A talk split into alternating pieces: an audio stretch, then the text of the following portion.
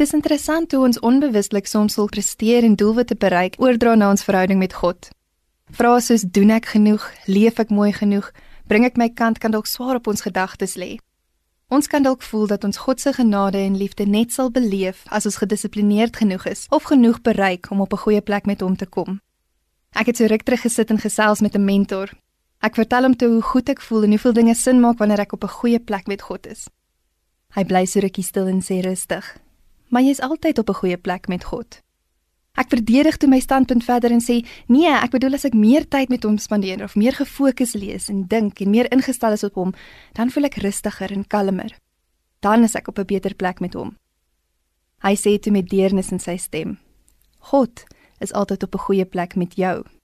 God het jou geskep omdat hy lief is vir jou, nie eerstens om iets te bereik nie. Hy is dus altyd op 'n goeie plek met jou.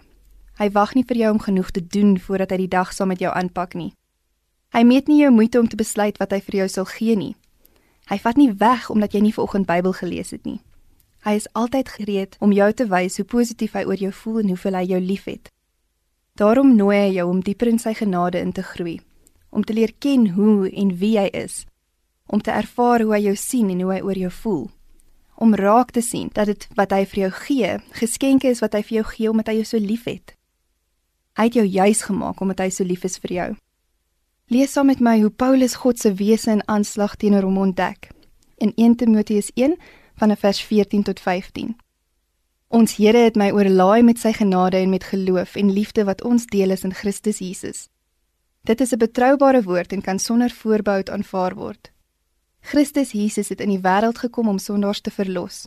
Van hulle is ek die grootste. Jou verhouding met God is die een verhouding waar jy baie meer kry as wat jy insit. Waar jy nie hoef te presteer nie. Waar jy, net soos jy is, genoeg is, geliefd is.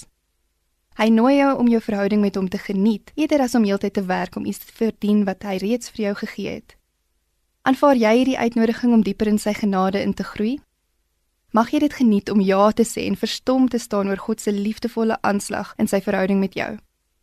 Here Jesus, gee vir my die genade om verstaan dat U my onvoorwaardelik liefhet en gretig is om my te vergewe. Laat ek meer van U genade verstaan en dieper in hierdie werklikheid ingroei. Amen.